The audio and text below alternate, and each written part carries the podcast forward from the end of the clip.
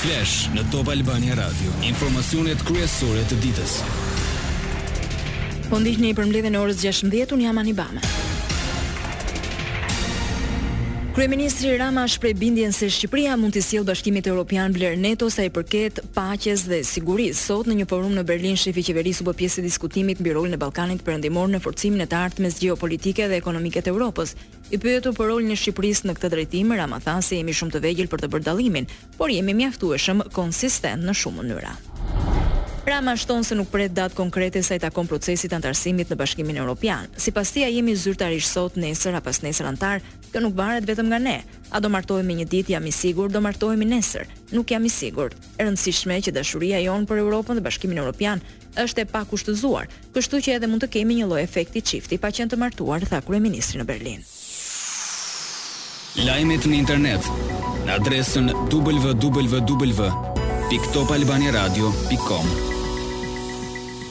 Vrasja e një shqiptareje në Itali, nënë e dy fëmijëve në kërkim shpallet ish bashkëshorti. Viktimë mbeti shtetësja Klodiana Vefa, e cila u qëllua për vdekje në mes të rrugës kur kthehej nga shtëpia. Kur kthehej nga puna në shtëpi, tridhjetë e pesë vjeçarja me leje të rregullt qëndrimi u ekzekutua në një rrugë periferike të Castel Fiorentinos. Nga hetimet u mësua se ish-bashkëshorti po e priste në rrugë Klodiana Vefën, ai nxori një armë zjarri dhe e qëlloi me plumb në kokë çka ishte fatale pasi humbi jetën. Vefa punonte si kamariere në një piceri dhe ishte integruar në komunitetin e Castel Fiorentinos. Ndërkaq u vra disa dhjetëra metra larg shtëpisë ku jetonte me dy fëmijët e saj. Sekuestrohen mbi tetëdhjetë e dy mijë euro në Muriqan që po futeshin në Shqipëri me autobus, dy persona janë në pranga dhe dy janë nën hetim. Në kuadër të operacionit policor të koduar Directions, Policia Shkodër njofton për shtim të vigjilencës në këtë drejtim, pasi në muajin shkurt gjeti mbi dyzet e tetë mijë euro që një tridhjetë e pesë vjeçar i arrestuar tentonte t'i nxirrte nga vendi ynë pa i deklaruar. Lajme nga rajoni.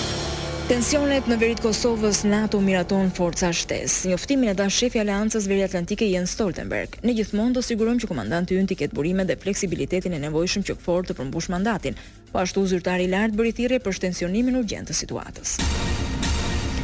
Nënkryetari i Listës Serbe, Milan Radoiçiq, e pranoi se ishte në Banjskë më njëzet e katër shtator dhe se bëri të gjitha përgatitjet logjistike për ngjarjet e asaj dite që kulmuan me vrasjen e rreshterit të Policisë së Kosovës, Afrim Bunjaku. Deklaratën e lexoi avokati i tij në Beograd. Ndërkaq, vë në dukje se për veprimet nuk njoftoi strukturat qeveritare serbe apo ato politike në veri të Kosovës, Madje, as nuk ia pranoi ndihmën. Referuar kryeministrit Albin Kurti, Radojçiç thekson, Arsye e kthimit tonë ishte inkurajimi i serbëve, popullit të asaj zone për t'i rezistuar terrorit të regjimit të Kurtit duke mbrojtur njerëzit tanë që çdo ditë i ekspozohen atij terrori. Kjo ishte hera e parë që Radojçiç reagon publikisht pas sulmeve më njëzet e katër shtator. Autoritetet bastisën dhe sekuestruan prona të Milan Radojçiç në veri të Kosovës. Edhe ministri i Brendshëm Xhelal Sveçla tha se Kontrollet kishin të bënin me sulmin ndaj Policisë së Kosovës dhe sipas tij do hetohet detajisht dhe deri në fund. Autoritetet thanë se kontrollet i kryen në koordinim me misionin e Bashkimit Europian për sundimin e ligjit EULEX dhe të NATO-s në Kosovë, KFOR. Kanë kaluar pesë vjet nga koha kur presidenti i Serbisë Aleksandër Vuçiç pretendonte se nuk e njihte dhe kurrë nuk kishte biseduar me Milan Radojçiç, nënkryetarin e Listës Serbe i akuzuar për sulmin e Banjskës mbi Policinë e Kosovës, Ndërkaq, tani shprehet se ai nuk është akademik, por i mbron serbët në Kosovë. Nga ana tjetër, thotë se do merret në pyetje nga drejtësia, çka e bën shumë çorientues qëndrimin e Vuçiçit për numrin dy të listës serbe. Lajme nga bota. Rritet në pesëdhjetë e pesë numri i të vrarëve dhe në më shumë se pesëdhjetë të plagosurve nga sulmi kamikaz në një xhami në Pakistan. Gjithçka ndodhi në provincën jugperëndimore Baluçistan teksa njerëzit kishin ishin mbledhur për të festuar ditëlindjen e profetit Muhamed, Autoritetet shpallën gjendjen e jashtëzakonshme. Presidenti rus, Vladimir Putin ka angazhuar një ish-ndihmës të shefit të ndjerë të Wagner, Yevgeny Prigozhin që të mbikëqyrë njësitet vullnetare për të luftuar në Ukrainë. Në këtë takim u theksua nevoja për integrim të luftëtarëve të Wagner në ushtrinë e rregullt ruse pas rebelimit të shkurtër të këtij grupi mercenar në Rusi në fund të qershorit të këtij viti. Dhuna e bandave në Suedi, kryeministri.